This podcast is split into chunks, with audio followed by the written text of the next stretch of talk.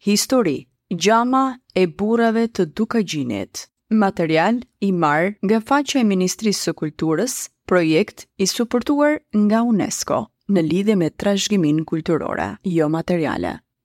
Gjama e Dukagjinit është një rit mortor shumë i vjetër i trashëguar në breza, i përdorur për të nderuar emrin e të vdekurit. Ky rit ose doke mortore në disa raste është quajtur edhe vallja e vdekjes, ku njerëzit nëpërmjet këtij riti para njeriut që ka humbur, Janë bashkuar për ta nderuar dhe për t'u betuar për të përcjellë amanetin dhe virtytet e tij ose edhe për të marrë hakun kur ka rënë në luftë me armikun. Në këto vende, gjama e vdekjes ka shërbyer edhe si lajmërim vdekjeje në kohët kur mungonin mjetet e komunikimit. Sipas studimeve dhe gojëdhënave, riti apo zakoni i gjamës së Dukagjinit e ka prejardhjen nga koha kur vdiq prijësi i shqiptarëve, Gjergj Kastriot Skënderbeu.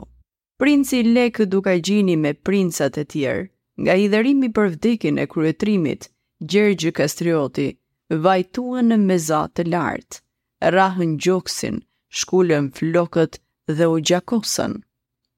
Ky rit u pasurua me një koreografi të veçantë që është përcjellë dhe pasuruar nga brezi në brez. Në këtë rit të vjetër nuk shfaqet dhunë apo gjakosje. Grupi i gjamatarëve duhet të jetë jo më pak se 10 vetë, të cilët duhet të jenë meshkuj në moshë madhore, të përzgjedhur Në bazë të vokalit të tyre, siç kuptohet edhe nga vetë emri, gjamë burrash. Sa ma shumë burra të marrin pjesë në gjamë, aq më shumë respektohet i vdekuri. Si zhvillohet gjama? Thirrja e parë imiton gjamën e maleve ku bien rrufeja. Prijësi që drejton gjamën ka përgjegjësinë në çdo detaj, Kur i vdekuri është i gjinisë mashkull, gjama mund t'i bëhej në çdo moshë. Kur e vdekura ishte e gjinisë femër, gjama i bëhej vetëm një herë nga gjinia, familja, fisi, i saj. Teksti i gjamës përmblidhet në një thirrje duke unifikuar zërat. Për shembull, nëse i bëhet nipit, thuhet: O i miri nipi jem, Nëse i bëhet mikut, o i mjeri miku jem, e nëse i bëhet kojshis, o i mjeri vëllau jem.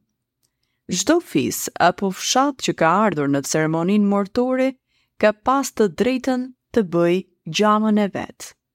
Gjama ka ruajtur edhe uniformën e veshjes. Në shumicën e rasteve është përdorur guberja e zezë me tufa. Ky rit u ndërpre pas viteve dyzet e pesë, pasi u ndalua nga regjimi komunist, duke e quajtur si një zakon prapanik dhe më pas rifilloi pas viteve nëntëdhjetë, ku mundet të ruajë dhe disa elemente të tilla edhe në ditët e sotme.